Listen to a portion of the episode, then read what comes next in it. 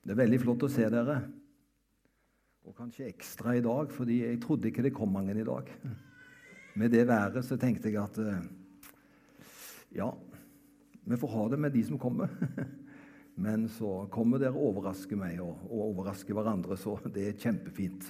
Og vi har allerede opplevd det fint å være sammen. Det er jo blitt sagt en del i dag om uh, Du tenkte på morsdagen. Du gjorde det, Ingrid. Jeg tenkte på deg også. Det var, ei, eh, det var en liten søt gutt som skulle fortelle hva han forbandt med, med mor. Og så sa han det at det, engel, sa han, det er typisk kvinneyrke. Var ikke den fin? Engel, det er typisk kvinneyrke. Jeg har noen sitater fra barnemunn, og barn er jo Jeg syns det er festlig, jeg, altså. Det er ei Frida på seks år som sier 'du skal ikke stjele fra de fattige hvis de ser det'. Og så er det en annen, Karoline, sju år. 'Du skal herde din farmor så hun kommer til himmelen'. Blanda nok far og mor. Så ble det farmor. Og så står det ei om damen. vet Du du skal høre på mora di. Det er en Tom André på sju år. Du skal høre på moren din, samme hva hun sier, og hvilket tonefall hun har.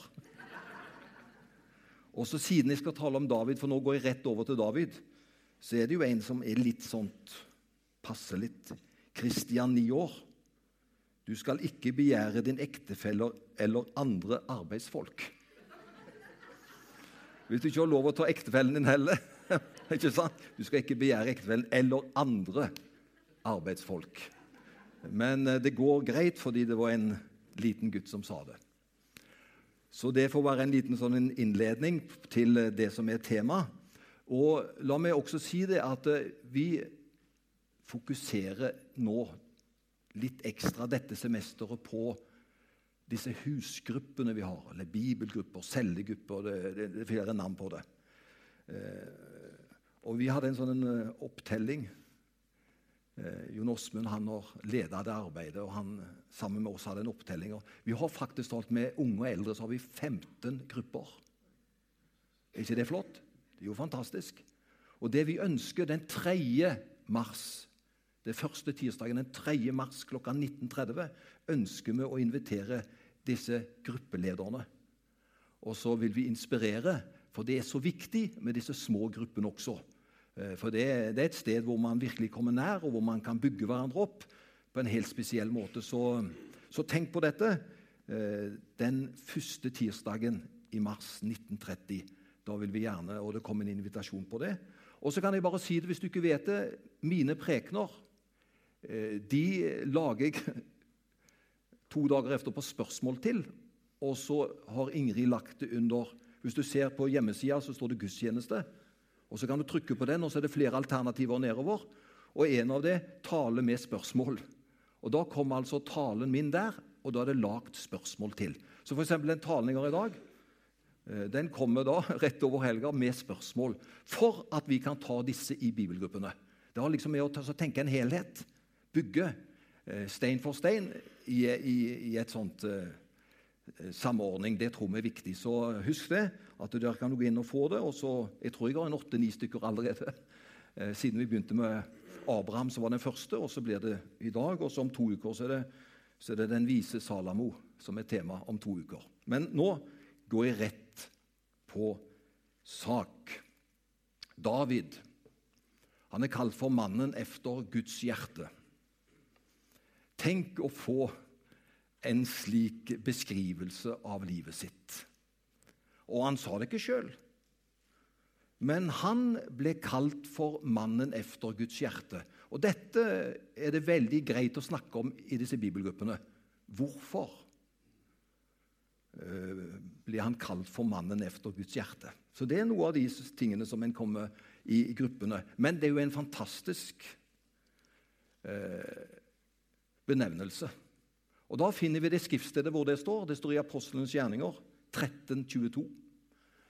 Eh, I Apostelens gjerninger 13 vers 22 står det Han David fikk dette vitnesbyrdet av Gud. Jeg har funnet David, i seg sønn, en mann efter mitt hjerte, en som skal utføre alt det jeg vil.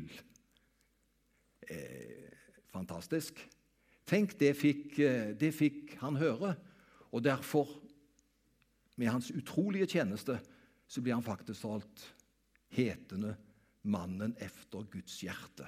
Han altså han utførte det som Gud ville. Eh, David er, Jeg kan nok si det at David er det Israels viktigste og største konge. Jeg brukte to ganger på Moses. Jeg kunne kanskje brukt to ganger på David også, for han, han er en sånn innholdsrik person. Men du vet at eh, vi tar han på én gang. vi tar han i dag. Og så kan jeg heller jobbe med han i gruppene. Men, men David er kanskje den mest sentrale kongen. Han er det den mest sentrale kongen som har vært i Israel, som vi leser om i Det gamle testamentet. Og så er det merkelig, du. Det var ingen som tenkte på han. Da profeten Samuel fikk beskjed av Gud å gå og så finne en som skal bli den nye kongen i Israel, og han kommer og får vite at han skal gå til Isai For Isai hadde iallfall syv sønner. Han hadde en til. Men blant disse sønnene så sier Gud til Samuel, skal du velge ut og salve, for han er det en av Isais sønner. Og den ene efter den andre kom. Den ene var finere enn den andre, var større enn den andre. Men det var ingen av de som kom fram, som sanksjonerte med Samuels indre vitnesbyrd. Det var ingen der, og det, det måtte bli frustrerende, for han skulle jo eh, Blant hans sønner så skulle det være én som skulle bli konge. Og han trodde han hadde fått sett alle. Og ingen av disse var utvalgt.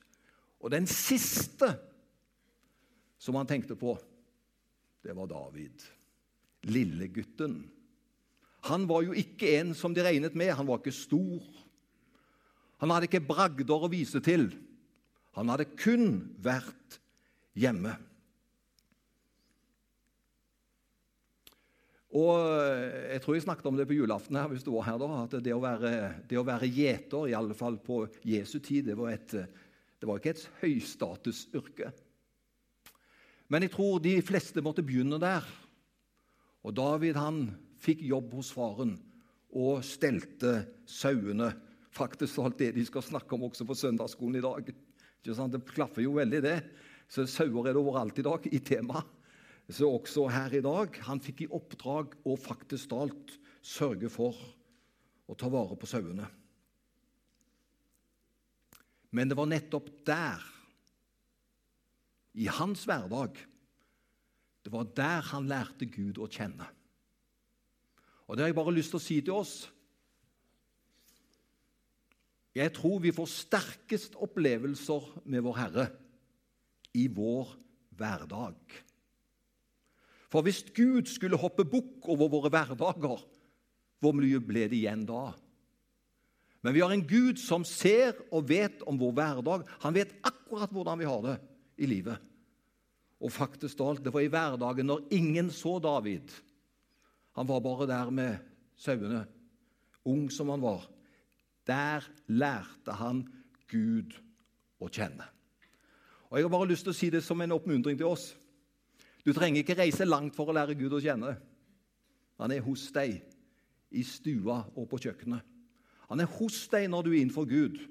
Og i din hverdag så kan du gjøre opplevelser som gjør at det vil være en velsignelse for deg i de senere ting du skal gjøre. Det var der, på hjemmebane i hverdagen, han opplevde å bli velsignet.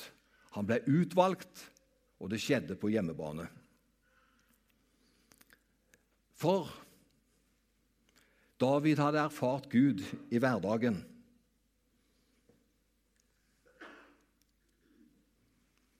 Og eh, i hverdagen så måtte David som gjeter ta utfordringer. Det var særlig utfordringer når det var store dyr som kom og ville angripe flokken. da er det at han opplever hvordan Gud var med han midt i hans hverdag og hjalp han i hans utfordringer. Og så nærmer vi oss nå Jeg bare sier dette som er bakgrunn. Nå nærmer vi oss at eh, David skal besøke tre av sine eldre brødre som er soldater i kong Sauls hær. De var i krigen. David var hjemme med sine opplevelser, og ikke minst han hadde fellesskap med Gud, og han så hvordan Gud var med han og hjalp han. Og så er det brødrene hans. De er eh, Tre av de er oppe på fjellet hvor Goliat og filistrene utfordrer Israels barn om makt. Og den Gud som vinner når de skal kjempe i striden, den Gud skal de tilbe og følge. Og kjempen Goliat virker uovervinnerlig. Og i 40 dager hadde han utfordret Israel. Men ingen våget å ta imot utfordringen og stride mot ham. Israels hær var fullt av frykt og motløshet. Hør, de var paralysert og lammet. Det var den hæren som skulle passe på dem. De var helt utslått. Og så er det at unggutten David Jeg skulle sjekke det, men jeg kan tenke meg at han var en tenåring. Unggutten David kommer og ser den fruktinngytende kjempen og hører filisterkjempen Goliat spottende ord. Men hør David kjenner en som er større og mektigere enn kjempen Goliat. Vi har problemer hvis det er kjempene som er de største i vår omkrets. Da får vi problemer. Men vi kan møte store kjemper og utfordringer i vårt liv hvis vi kjenner en som er større. Men hvis han som er større, er borte, da blir jo kjempene de største. Men heldigvis David hadde gjort erfaringer med en som var mye større og sterkere enn filisterkjempen Goliat. Og hvem var det, da? Det var den levende Gud. Og den levende Gud han var den største, og det skjærer David i hjertet når noen spotter hans gode og mektige Gud. Og David blir rett og slett opprørt av å høre det. Det skjærer David i hjertet at filisteren våger å spotte selveste Gud. Og så leser jeg fra 1. Samuel 17, 32. Fylt av tro til Gud, sier han til kong Saul. Og så kommer skriftstedet. Ingen må miste motet. Din tjener vil gå og kjempe mot denne filisteren. Så det har jo litt med mot å kaste bekymringer, som du nevnte. Ingen må miste motet. Din tjener vil gå og kjempe mot denne filisteren. Og Brødrene fikk sjokk. Hva er det nå han finner på? Men Saul, han godtok det. Så Saul han tenker rasjonelt. Han tenker han får iallfall kjempe i min rustning. Og så kler han opp David. Men du skjønner det? Ingen kan gå i andres rustning. Vi kan kun være den vi er. Vi kan kun gå med det som Gud har gjort for oss. Det er noen som har prøvd å imitere og efterligne andre. Det funka ikke. Men hvis Gud har gjort erfaringer, og du har lært Gud å kjenne, så er det sterkt nok det Gud har gjort for deg. Og da skal du gå ut i kampen i din egen rustning og ikke i andre sin. Det eneste David får vant til, det var en slynge, og det er nesten latterlig. Her går han med en som har utfordret hele Herren i 40 dager til kamp. Og det eneste David har, det er en slynge med fem steiner i. Og Etter han har prøvd Sauls rustning, så finner han ut den er ikke designa for meg. Jeg må bruke min egen rustning. Og så går han imot Goliat i Guds navn. Med en eneste hør, med en eneste stein fra slyngen feller han Goliat. Deretter sprang han fram og drepte kjempen med hans eget sverd. Det var så ydmykende for Goliat. Han hadde sverd, men det sverdet tok David tak i etter at han hadde kjempet kjempen med bare én stein. Og Det er vel Asbjørn Johansen som har sagt det. Det må jo være mer enn seier når du tar han med første stein når du har fire igjen. Og Så sier Asbjørn han kunne tatt fem Goliater. Men eh, han tok bare én, for det var bare én som var der. Han hadde fire steiner igjen. Du, du er best med den rustningen som Gud har gitt deg.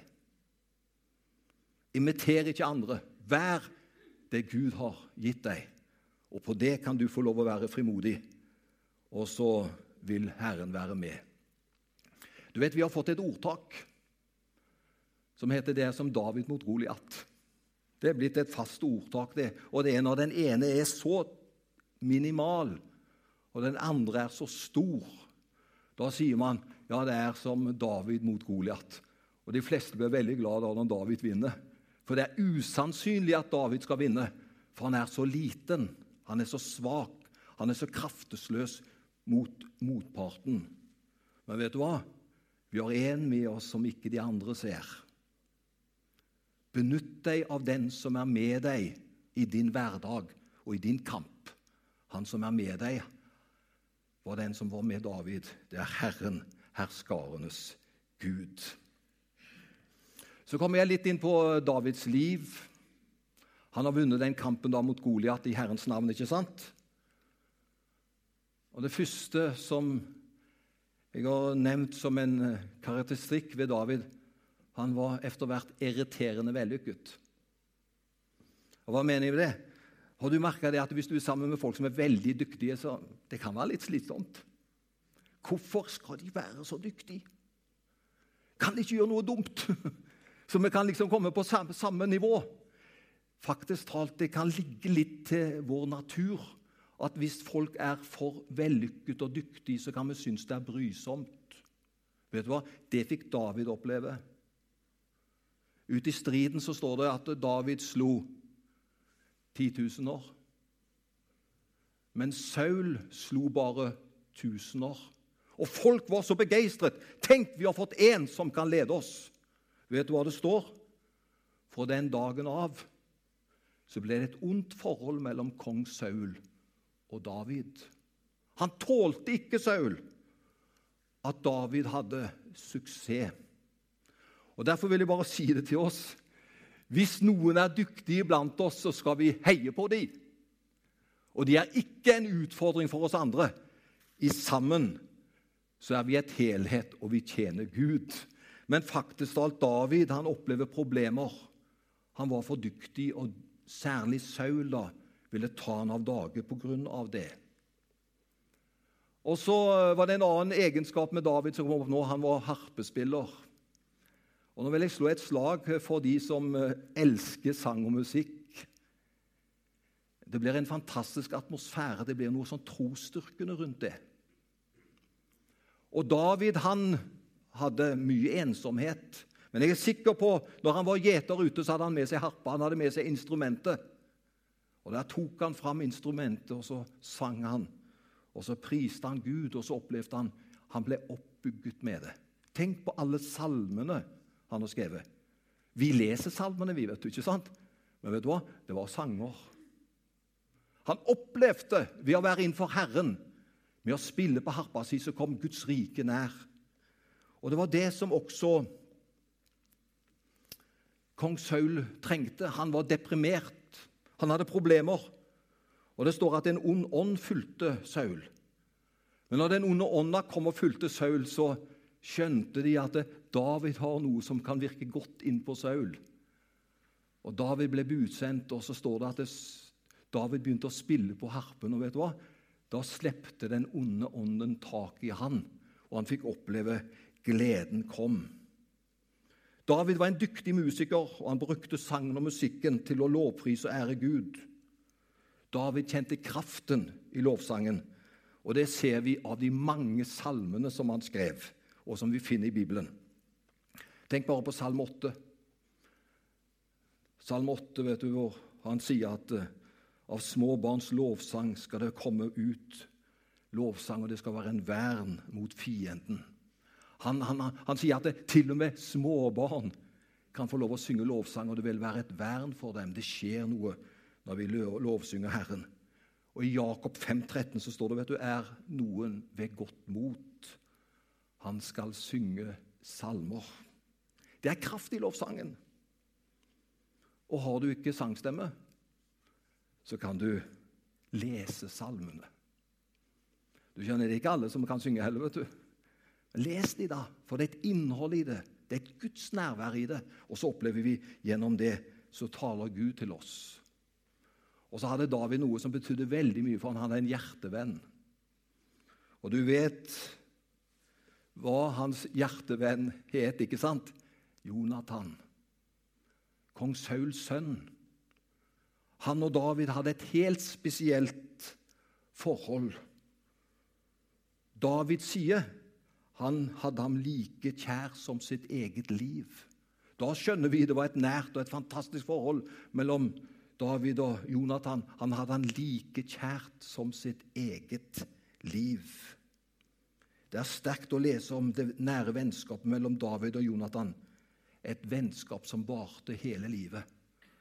Og jeg vil gjerne si det jeg håper du har venner. Jeg håper du har noen å gå til. Og Hvis ikke, så må vi få det på plass. Gud har ikke skapt oss for at vi skal være ensomme, men Gud har skapt for at vi skal være et fellesskap som skal styrke og hjelpe hverandre. En hjertevenn eller flere. Det er gull verd. Og så var faktisk alt, og Nå kommer jeg inn på noe interessant. David var flyktning. Han måtte flykte fra kong Saul ville ta hans liv. Og Da fikk jeg se noe når jeg forberedte prekenen til i dag. Et av de stedene hvor David gjemte seg, det var i Terebintedalen. Og Terebintedalen det var der han hadde slått Goliat for flere år siden. På samme sted som David hadde slått Goliat. Så det er et område nå han flykter til i redsel. Og Jeg har bare lyst til å si det kan være korte avstander mellom suksess og nederlag, utfordringer. Faktisk holdt på samme sted som David hadde sin kjempekamp og seier. Da han slo Goliat, så flykta han for sitt liv, og så gjemmer han seg inn i hulene der. Og så opplever han hvordan Gud kommer. Og faktisk talt noen av de sterkeste salmene skriver David når han er i en av disse hulene. F.eks. Salme 57 og andre, hvor han opplever han har en så stor nød. Han er redd for sitt liv.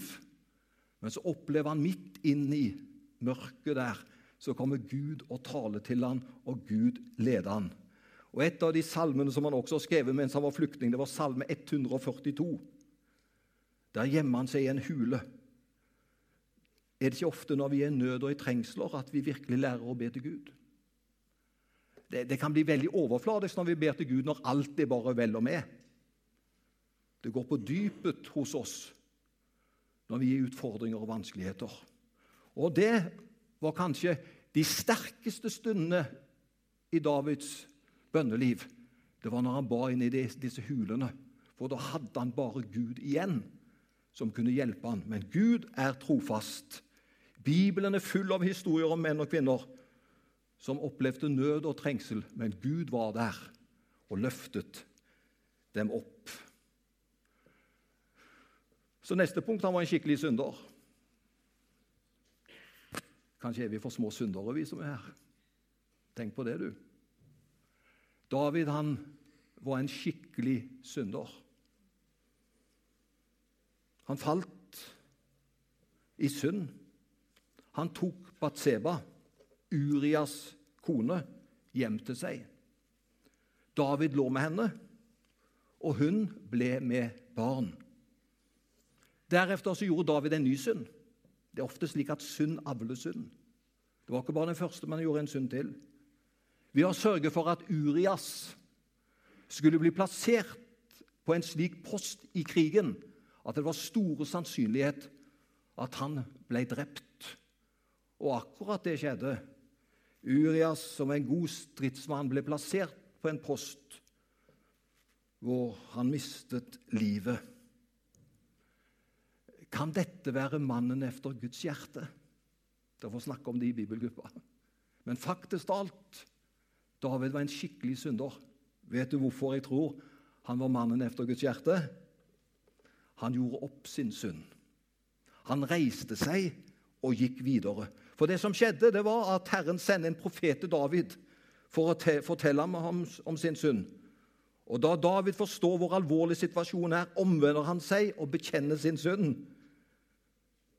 Davids synd var stor. Likevel, hør Siden han ikke skjulte sin synd, men bekjente den for Gud, blir han tilgitt.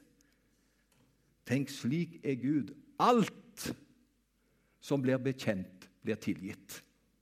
Det finnes ikke en synd og en størrelse på en synd som ikke blir tilgitt. Når vi bekjenner den innenfor Gud. Så stor er Hans nåde.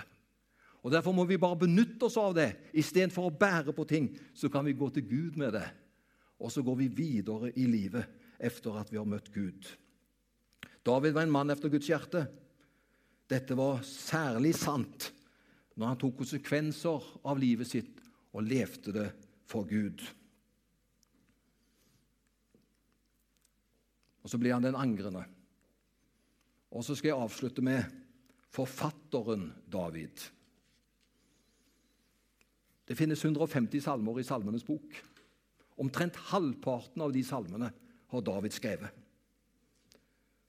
Og En av de mest kjente skal jeg avslutte med. Det er Salme 23. 'Herren er min hurde'. Og husk, det var, en, det var en salme som ble sunget.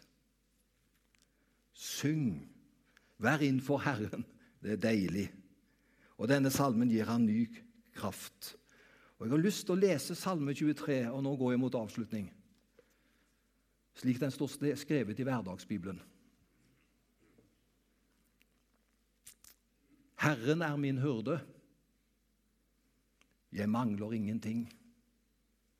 Han lar meg ligge på grønne enger, han leder meg til vann der jeg kan hvile. Han fornyer mitt indre, og han leder meg på rette stier, fordi han er god. Ja, selv gjennom livets største prøvelser så trenger jeg ikke å være redd, for jeg vet at du er med meg. Du veileder, trøster og beskytter meg. Du gir meg det jeg trenger, ja, selv rett foran mine fiender. Hos deg mangler jeg ingenting. Du velsigner meg med mer enn det jeg kan ta imot. Du vet, I den, eh, i den gamle står det at eh, mitt beger flyter over. ikke sant?